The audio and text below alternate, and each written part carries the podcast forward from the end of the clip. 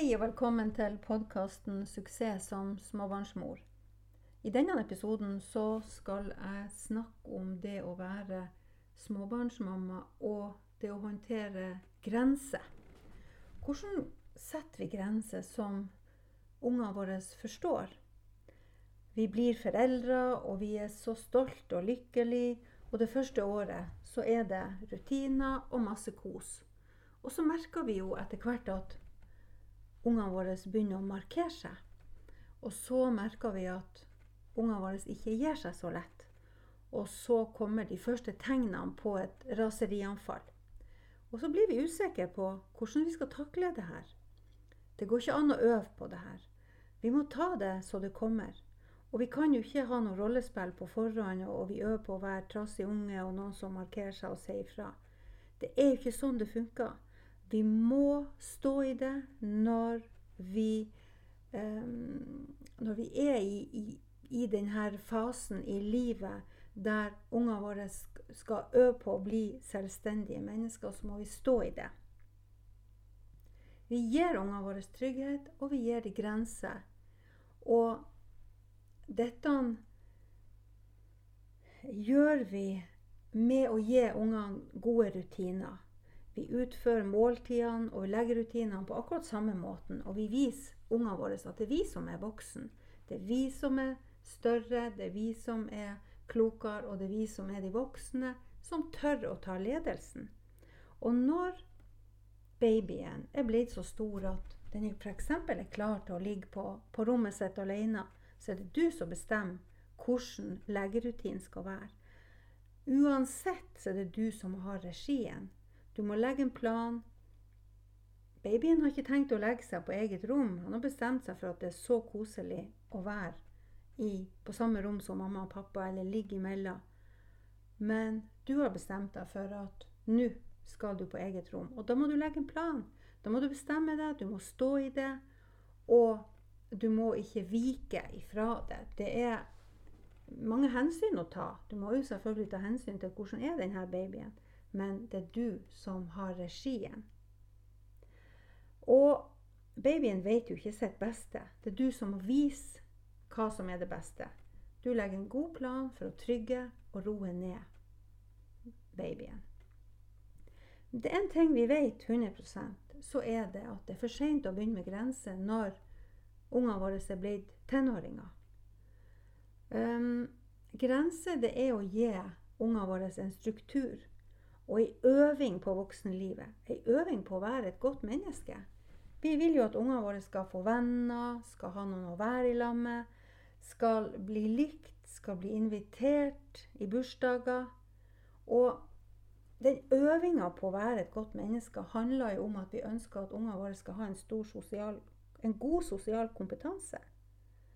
Det å kunne si hei og ha det og takk og, og, og se når vennene uh, trenger noen å leke med, det å stå opp for seg sjøl Alle de her uh, Alle dette inne, inne er ingrediensene i den sosiale kompetansen.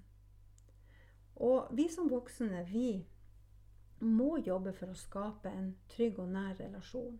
Og det kommer ikke av seg sjøl. Det arbeidet starter allerede ved fødsel. Det er du som har ansvaret, det er vårt foreldreansvar. Og vi jobber for å skape trygghet. Vi jobber med oss sjøl for å være trygge og gode. Vi, vi, vi, takler de hendelsene vi kommer ut for som er vanskelig. Og vi tør å by på oss sjøl, og vi tør å skape nærhet.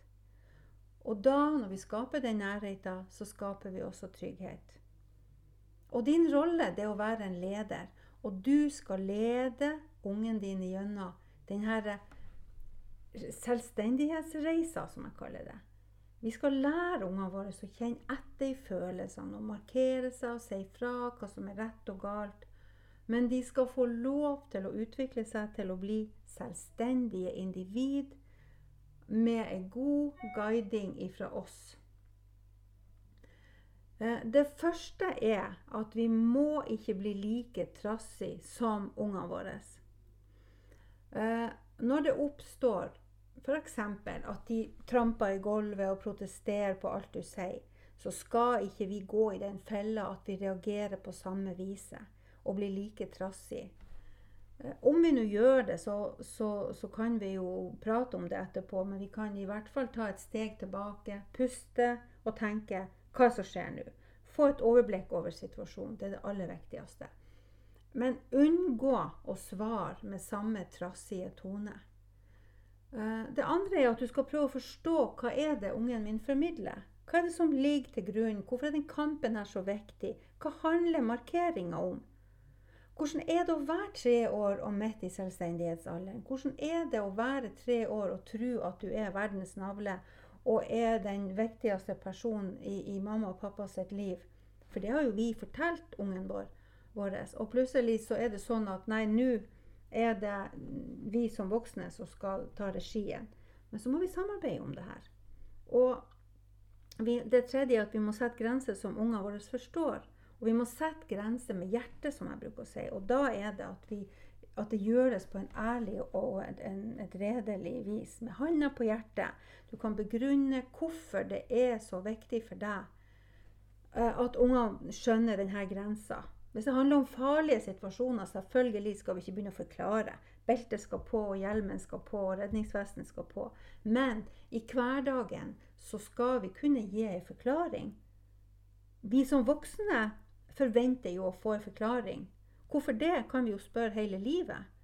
Uh, og da skal ungene våre få denne. Vi skal ta oss de ekstra minuttene det er å gi en forklaring.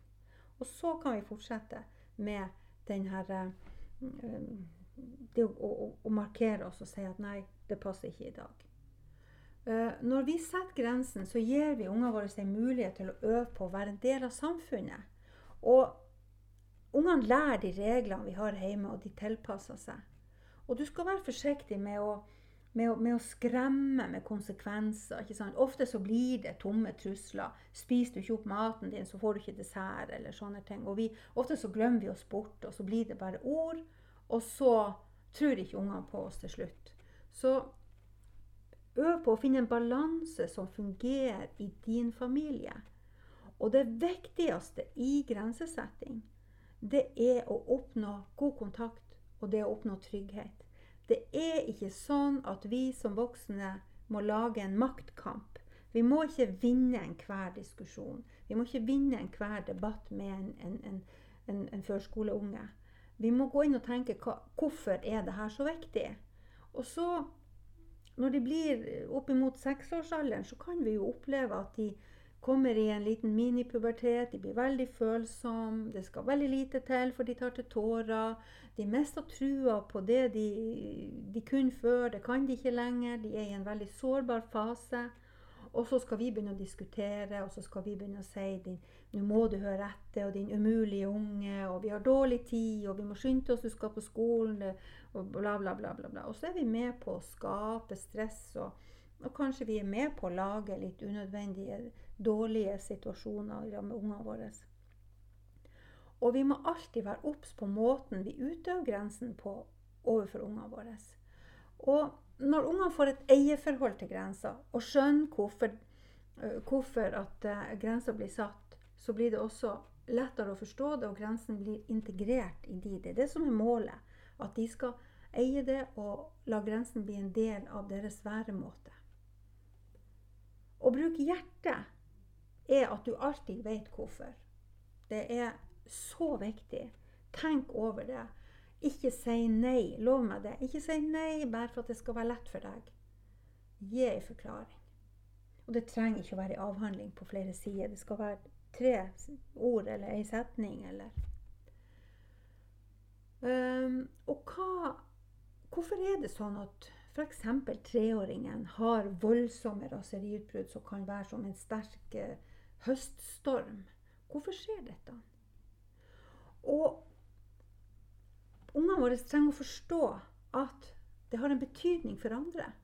Og at de har behov for å markere seg som selvstendige individ. Og i denne prosessen så må vi være klokere, og så må vi være større. Og du taper ikke din posisjon hvis du lar treåringen vinne. Og jo, man kan ikke kalle det for å vinne, men det er i hvert fall La nå treåringen få en sånn følelse av at OK, denne kampen Akkurat i dag fikk jeg ha på meg den buksa som jeg har krangla meg til, eller den rosa strømpebuksa, eller de skoene. Og så velger du heller ut kampene dine. Og et nei det kan også sies på en vennlig måte, på en bestemt måte, med en stemme som ungene kjenner igjen. En stemme som viser at det er ikke lønnsomt å spørre mer. Og de leter etter de grensene. Og når det er mangel på disse grensene, så tar ungene over. De forventer å få det, og de leter etter det. Og når vi ikke gir dem det, så er de der og overtar. Uh, og da blir det kaos. Og noen foreldre de tenker at nei, det er så lite tid jeg har med ungene mine at jeg, jeg må, vi må ha det koselig. Jeg, eh, jeg orker ikke konflikter.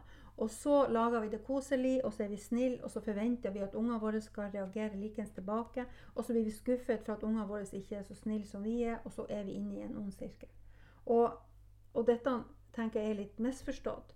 For det at om vi har lite tid sammen, så skal vi i hvert fall eh, eh, være tydelige. Og så kan man tenke at OK, i dag kan du få is etter, eh, før maten eller etter maten. Um, men vi kan begrunne det. At det skjer i dag, men det trenger ikke å skje hver eneste dag. Og hvilken type er barnet ditt? Hvordan møter vi ungene våre? Og når ungene våre får høre at de er umulige og de er vanskelige, så tror de det til slutt. Og sånn er det jo i vårt voksenliv også. Oppdragelse det er mye mer enn å si nei. Og tenk litt over det. Ikke bli ei sånn maskråke som kjefter og smeller og hører din egen stemme mer enn du er i, i, i kontakt med ungene. Um, for det at det går inn det ene øret og ut det andre, om de er tre år eller 13 år. Uh, og det som er viktig å ha fokus på, det er at oppdragelse skjer, skjer hele tida. Det er ikke bare oppdragelse hver gang du skal si nei. Oppdragelse er i hverdagen hele tida. Uh, og hvis vi skal ta en liten sånn oppsummering Hva jeg tenker er det viktigste i forhold til det å være Det å sette grenser, så er det ikke, bli, ikke gå inn i den fella at du blir like trassig som ungen din. Prøv å forstå hva de formidler. Sett deg inn i hvordan en treåring tenker, og sett grenser som ungene forstår og som du virke, virkelig mener. Eh, og, og, når du gjør det, så er det også ei, ei læring i det. Um, Ungene er Vi er rollemodeller, og de er ute etter å finne litt ut av hva, hva er det nå egentlig hun mamma mener med akkurat dette. Og hvorfor er det så viktig for henne?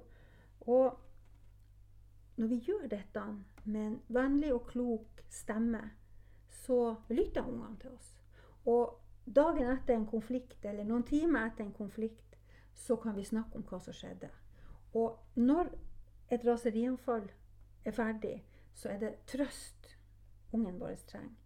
Det er et fang, og det er trøst, og det er en bekreftelse på at jeg skjønner at du er lei deg, jeg skjønner at du er trist, men det går ikke an å gå ut i finskoen i dag fordi at det er så mye snø. Så vi må ha på skjæroksene. Og det er det fanget som blir det viktigste. Det er, den, det er den kontakten som du skaper. Og den bekreftelsen på følelsene til ungene, til, til barnet ditt akkurat der og da, som er det viktigste. Takk for at du lytta til podkasten. Takk for at du tar deg tid til å, å, å høre på mine tanker om dette. Uh, jeg kommer til å dele flere tanker om foreldreroller, grensesetting, det å være tydelig, det å være um, ei mamma som kan senke skuldrene litt, gi litt blaffen i, i, hva andre mener. Um, så velkommen til å lytte til flere episoder.